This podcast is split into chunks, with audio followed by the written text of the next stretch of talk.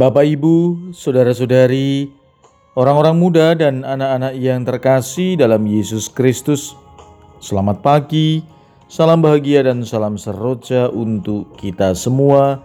Berkah dalam bersama dengan saya, Romo Antonius Garbito Pambuaji, menyampaikan salam dan berkat Allah yang Maha Kuasa dalam nama Bapa dan Putra dan Roh Kudus. Amin. Hari ini Kamis 18 Februari dalam Kamis sesudah Rabu Abu.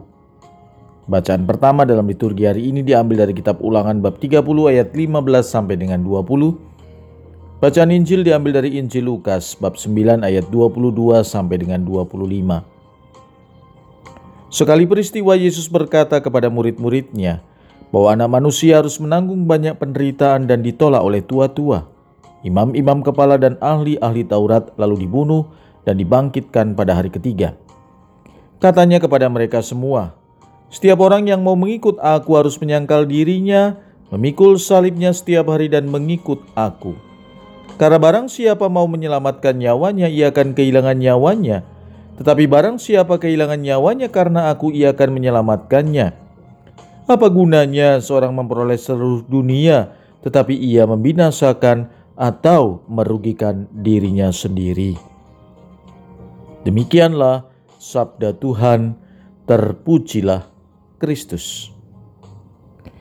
Saudara-saudariku yang terkasih, sabda Tuhan hari ini mengajak kita untuk fokus pada diri kita supaya dapat mengasihi Tuhan lebih dari yang lain.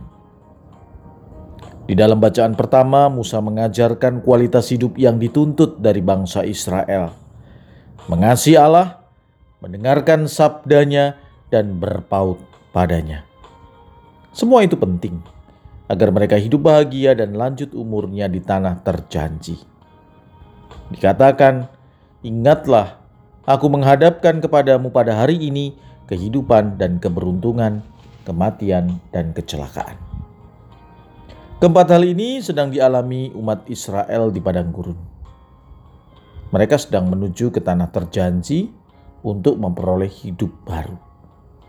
Berada di padang gurun memang penuh perjuangan, merasakan keuntungan dan kemalangan, penuh dengan pergumulan hidup. Maka mereka memang membutuhkan Tuhan. Kematian dan kecelakaan juga merupakan dua hal yang dialami oleh setiap pribadi. Orang boleh takut dengan kematian, tetapi kematian itu sendiri akan datang dan menjemput tak terelakkan.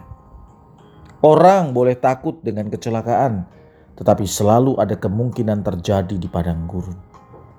Banyak ular dan kalajengking yang dapat mematikan manusia setiap saat. Dalam situasi yang menunjukkan pergumulan hidup di hadirat Tuhan, Musa memerintahkan umat Israel untuk mengasihi Tuhan. Wujud nyata mengasihi Tuhan adalah hidup menurut jalan yang ditunjukkannya berpegang pada perintahnya, ketetapan, dan peraturannya. Dengan mengasihi Tuhan Allah, maka kita akan memiliki hidup. Tidak mengasihi Tuhan berarti berpaling daripadanya, maka kebinasaan adalah ganjaran yang diterima. Tidak ada keselamatan bagi orang yang berpaling dari Tuhan. Saudara-saudari, dalam Injil Pernyataan Yesus amat radikal dan menantang kita. Pernyataannya sangat bertentangan dengan orientasi hidup manusia saat ini yang selalu mencari yang serba menyenangkan atau serba mudah atau instan. Normalnya manusia mencita-citakan satu kehidupan yang nyaman tanpa kesulitan. Misalnya tetap sehat, punya keluarga yang bahagia, rumah yang mewah, punya banyak uang, dapat bersenang-senang dan berlibur ke mana saja, dan seterusnya.